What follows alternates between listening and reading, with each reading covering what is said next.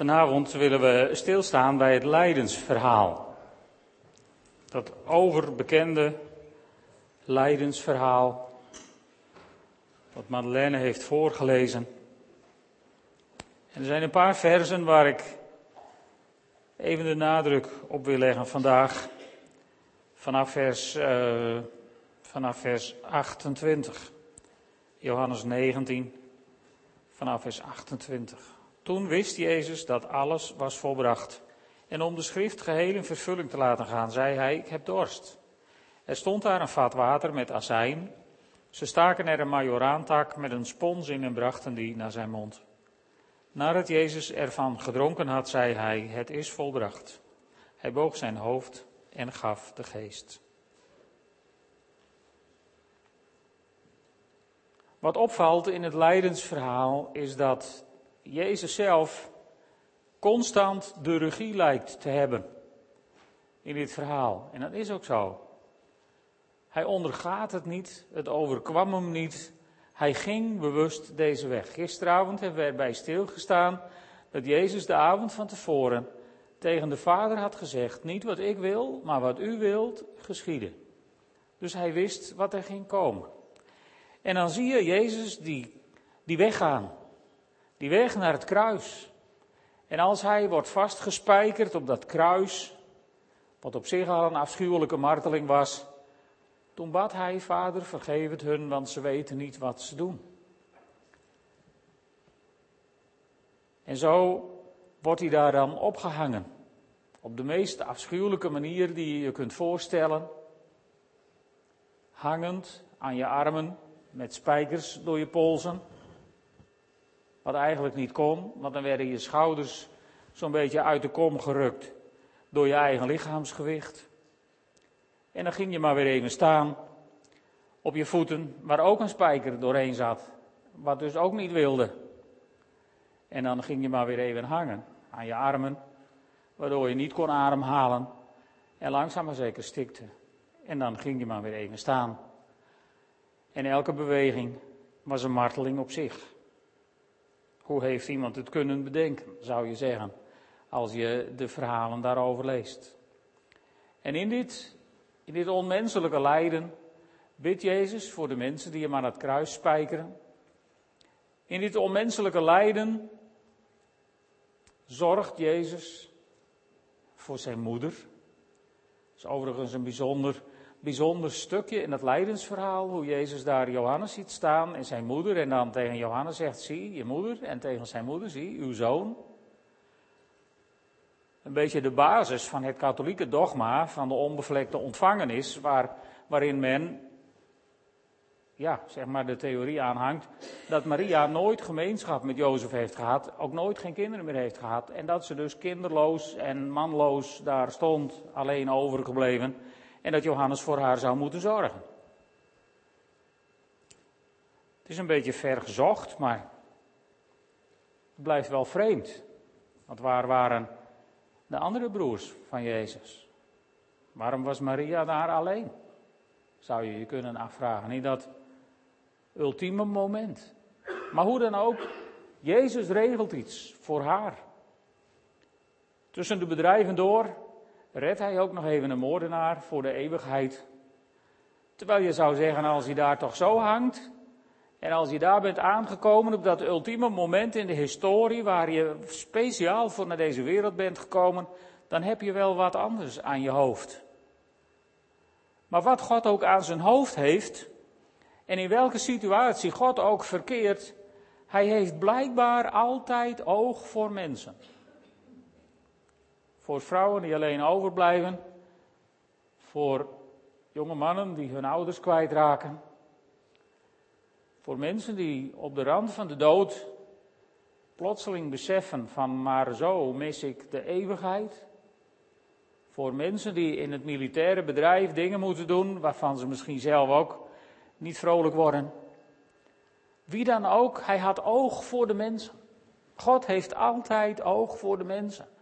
Mocht je ooit in de verleiding komen, mocht je ooit de leugen ingefluisterd krijgen dat God het misschien wel veel te druk heeft voor uw probleem, voor uw zorg, dan is het kruisigingsverhaal al het bewijs dat dat niet waar is. Want als er één moment zou zijn waarop God even geen tijd zou hebben voor de verloren mensheid, dan was het toch deze dag. En zelfs op deze dag heeft Jezus oog voor de mensen om hem heen.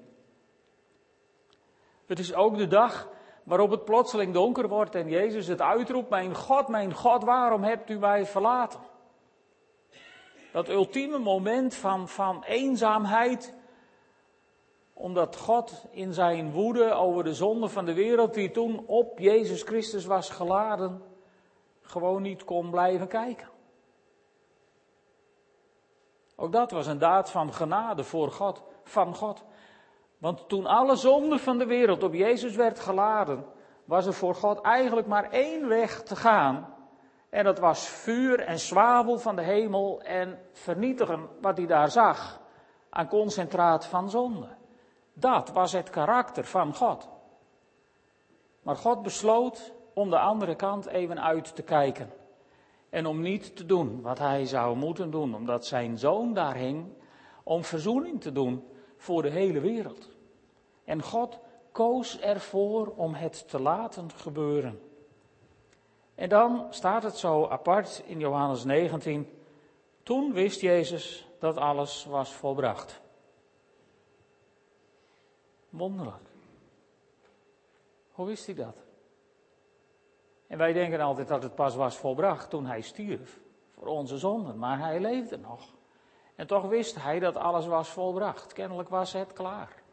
Misschien kreeg hij wel een woord van zijn vader uit de hemel. Mijn zoon, het is volbracht, kom maar naar huis. Je weet het niet. Maar hoe wist hij dat alles was volbracht? Hij wist het.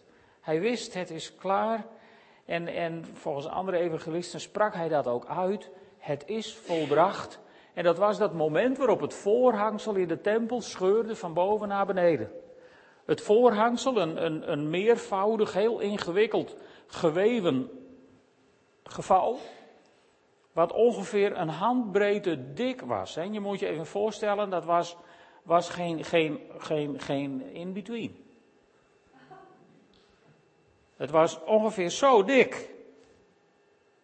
En er was een vracht vol volk nodig om het ding op te hangen. Zo onmenselijk zwaar en zo dik en zo sterk. En als je een Jood zou vragen wat kan er nooit stuk, dan was dat het voorhangsel in de tempel. En dat scheurde van boven naar beneden. Dat was een voorhangsel, was door ons mensen ook niet van beneden naar boven te scheuren. Daar moest God aan te pas komen om, om de toegang tot het heilige der heiligen voor eeuwig voor ons te waarborgen. En toen alles was volbracht, staat er dat Jezus zei, ik heb dorst, om de schrift geheel in vervulling te laten gaan. In uh, Psalm 69, vers 22, daar staat, ze gaven mij azijn te drinken. En zo noemt Johannes het ook, water met azijn. Waarom geen gewoon water? Nou, in dat klimaat bedierven dat veel te vlug. Het was ook geen leidingwater wat ze hadden. Het was water waar veel te veel leven volgens mij in zat. En ik denk als hij daar wat azijn, genoeg azijn doorheen deed, bleef het waarschijnlijk langer goed. En was het misschien ook beter voor de dorst, dat weten we niet. Maar dat kreeg hij te drinken om de schriften in vervulling te doen gaan. En toen gaf hij de geest. Ik las een uitspraak afgelopen week, ik geloof in, in herstel, dat het stond. En er stond zoiets van alle geestelijke leiders of alle grote mensen van deze wereld gingen dood. Behalve Jezus. Hij gaf de geest. Mooi hè, daar moet je even over nadenken. Hij gaf de geest. Wie had de regie toen Jezus stierf? Niet de natuur, niet de loop der dingen, maar Jezus. Hij gaf de geest. Hij besloot, nu is het genoeg geweest. En toen gaf hij zijn geest terug aan de Vader. Verliet hij tijdelijk zijn lichaam. Voor ons. Wat een weg voor ons. En wat gebeurde daar dan? Wat gebeurde daar dan? Gisteravond hebben we stilgestaan bij die afschuwelijke inhoud van die beker die Jezus voor ogen kreeg in Gethsemane. Zo verschrikkelijk dat hij bloed begon te zweten. En we hebben gisteren ook stilgestaan bij de beker van het nieuwe verbond, waar wij uit mochten drinken, omdat hij die andere beker dronk. En ik denk op deze avond werd de bekerruil voltooid. In 2 Korinthe 5, vers 17 tot 21, daar legt Paulus het als volgt uit. Dat gebeurde er. Dit gebeurde op Goede Vrijdag aan het eind van de dag. Ik lees het uit de herziene statenvertaling. Daarom, als iemand in Christus is, is hij een nieuwe schepping. Het oude is voorbij gegaan, zie, alles is nieuw geworden. En dit alles is uit God, die ons met zichzelf verzoend heeft door Jezus Christus. En ons de bediening van die verzoening gegeven heeft. God was het namelijk die in Christus de wereld met zichzelf verzoende. Dat is een belangrijk zinnetje. God was het die in Christus de wereld met zichzelf verzoende. Niet wij, niet, niet wie dan ook. God was het die de wereld met zichzelf verzoende. En aan hen hun overtredingen niet toerekende. En dat kon omdat Jezus de beker met de woede had gedronken. En hij heeft het woord van verzoening in ons gelegd. Wij zijn dan gezanten namens Christus, alsof God zelf door ons smeekt. En namens Christus smeken wij u, laat u met God verzoenen. Dat zou het getuigenis van ons leven moeten zijn. De boodschap die we van God hebben meegekregen. Om aan andere mensen dat duidelijk te maken. En aan sommige mensen kun je het misschien maar één keer zeggen. Of op een andere manier duidelijk maken. Laat u met God verzoenen. En dan komt dat prachtige vers. Want hem die geen zonde gekend heeft, heeft hij voor ons tot zonde gemaakt. Opdat wij zouden worden gerechtigheid van God in hem. En daarmee waren de bekers voorgoed verruild. Hij die geen zonde gekend heeft, dronk de beker van de vlammende woede van Gods toorn, waardoor wij in alle vrijmoedigheid de beker mogen drinken van het nieuwe verbond. En wat een prijs heeft dat gevraagd. En wat gebeurde er? Nou, ik denk toen Jezus de beker van Gods vlammende woede had leeggedronken, toen hem duidelijk werd gemaakt dat het is volbra was volbracht, toen smolt het hart van de Vader.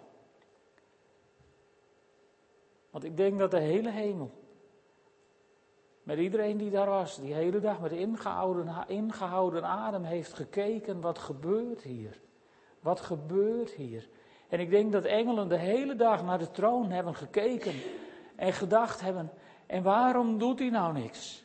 Wanneer gaat hij ingrijpen? Waarom laat hij dit gebeuren? Want geen engel heeft het begrepen, geweten wat er gebeurde. En toen het was volbracht, ik geloof dat God toen zijn hart smolt en tegen zijn engelen zei: Kijk eens, mijn zoon, in wie ik een welbehagen heb. Is het geen kanjer? Hij heeft die beker leeggedronken. Hebben jullie het gezien? En daarmee verdween alle woede uit het hart van de vader. En daardoor kwam er zoveel ruimte in dat vaderhart van God. Dat er sinds die tijd plaats is voor u en voor mij. Op dat moment werd er ruimte gemaakt, zodat wij in het vaderhart van God zijn, zijn binnengehaald. En sinds die tijd mogen wij ons kinderen van God noemen. Vind je dat geen wonder? Wij, mensen aan de zonde onderhevig, wij mogen onszelf kinderen van God noemen, omdat het kind van God, zijn enige geboren zoon, bereid was om te sterven. En daarom is Goede Vrijdag zo'n avond van gemengde gevoelens. Het is een avond waarin je je diep realiseert hoe vreselijk die weg voor Jezus moet zijn geweest. Maar het is ook een avond waarop je kijkt naar het kruis en je realiseert dat het leeg is. En waarin je al vooruit kijkt naar het graf waarvan je weet dat de steen is weggerold. Een avond waarop je liederen kunt zingen over het sterven en het lijden van Jezus, maar ook een lied kunt zingen als glorie aan het lam.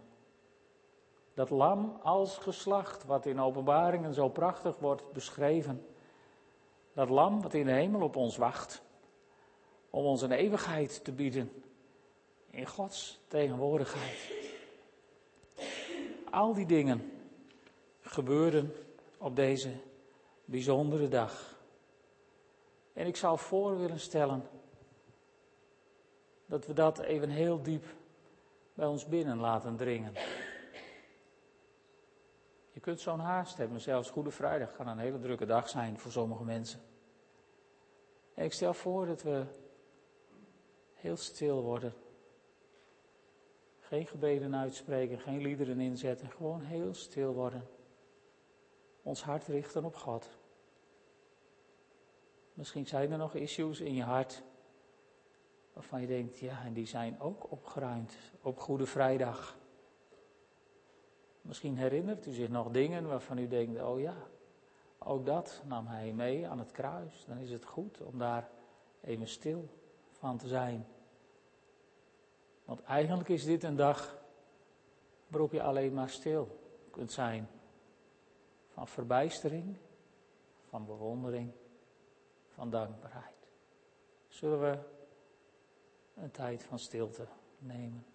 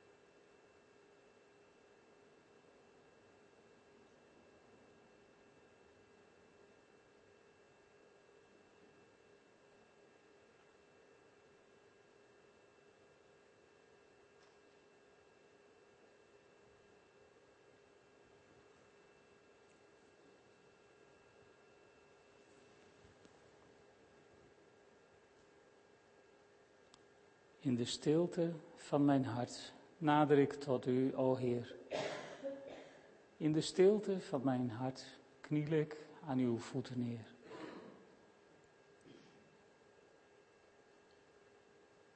In de stilte van mijn hart aanbid ik u als Heer. Ik prijs uw naam, o Heer. Amen. Ik wil uh, afsluiten met een gedicht. En dat heet Ach mens. Ach mens, kroon van de schepping, gemaakt gelijk aan mij, door mij, voor mij. Ik schiep, jij benoemde, wij wandelden in de avondkoelte. Plotseling ging alles stuk en stond jij tegenover mij. Ik wilde zo graag bij je wonen, maar tent of tempel lukte niet. Dus ben ik zelf maar naar je toe gekomen. Het was om jou dat ik de hemelen verliet. Ach mens, kroon van de schepping, mismaakt. Ik werd gelijk aan jou, leed door jou, stierf voor jou. Ik schiep wat jij niet noemde, om met jou te wandelen in de avondkoelte. Daardoor werd alles heel en sta ik naast jou. Ik wil nog steeds graag bij je wonen. Ik wil ook graag dat jij van mij geniet. Ben je vandaag wel aan mij toegekomen? Of was alweer de tijd er niet? Ach mens, kroon van de schepping, nieuw gemaakt, gelijk aan mij, door mij, voor mij. Ik zal scheppen wanneer jij mijn naam noemt. Ik wil met je wandelen in de avondkoelte. Dit kan nooit meer stuk, want nu woon ik in jou. Amen.